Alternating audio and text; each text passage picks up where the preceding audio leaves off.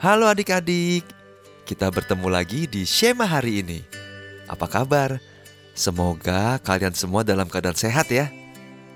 Hari ini kita akan membaca dan merenungkan firman Tuhan dari Kisah Para Rasul 4 ayat 32 sampai 37. Sebelum kita membaca firman Tuhan, kita berdoa dulu yuk. Mari kita berdoa.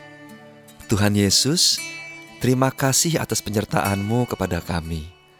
Saat ini, kami sudah berkumpul dari tempat kami masing-masing dan kami siap merenungkan firman-Mu. Mampukan kami ya Tuhan untuk boleh mengerti, memahami, dan melakukan firman-Mu dalam kehidupan kami sehari-hari. Dalam nama Tuhan Yesus kami berdoa. Amin.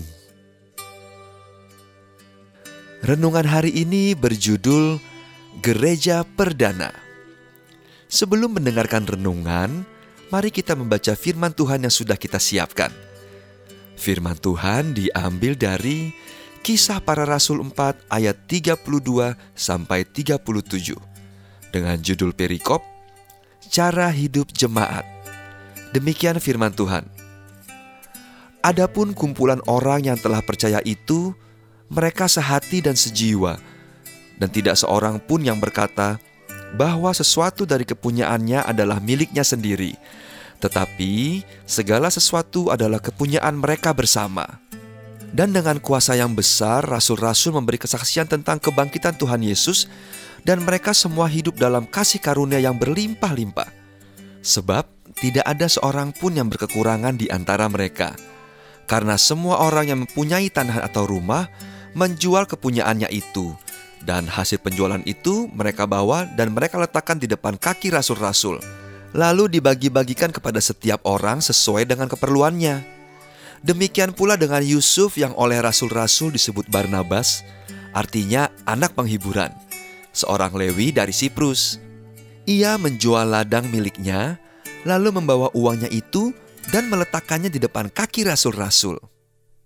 Sahabat Yesus, Gereja perdana atau yang disebut juga jemaat Kristen perdana merujuk pada kekristenan pada masa antara penyalipan Yesus sekitar tahun 30 Masehi dan Dewan Nicaya pertama 325 Masehi pada abad keempat Masehi.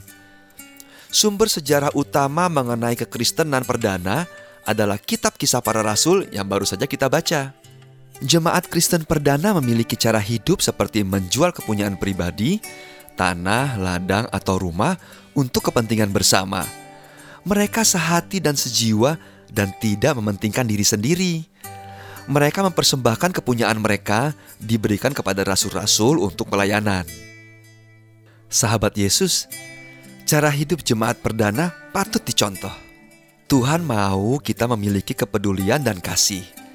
Jika sahabat Yesus mau memberi, lakukanlah itu dengan segenap hati bukan untuk menyenangkan manusia, melainkan untuk menyenangkan hati Tuhan.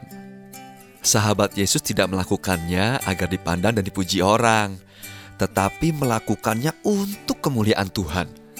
Biarlah melalui perbuatan kita, Tuhan dipuji dan dimuliakan. Bagaimana menurut sahabat Yesus cara hidup seperti itu?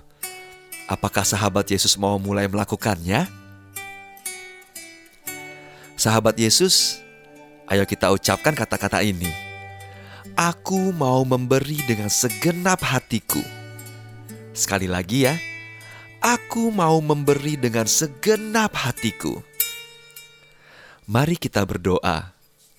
Bapa di surga, kami mau meneladani cara hidup jemaat Kristen mula-mula yang peduli dan mau berbagi. Ampuni kami yang masih sering mementingkan diri sendiri kami mau memiliki kasih seperti kasih Tuhan yang tak terbatas. Tolong kami ya Tuhan. Terima kasih Tuhan. Dalam nama Tuhan Yesus kami berdoa. Amin.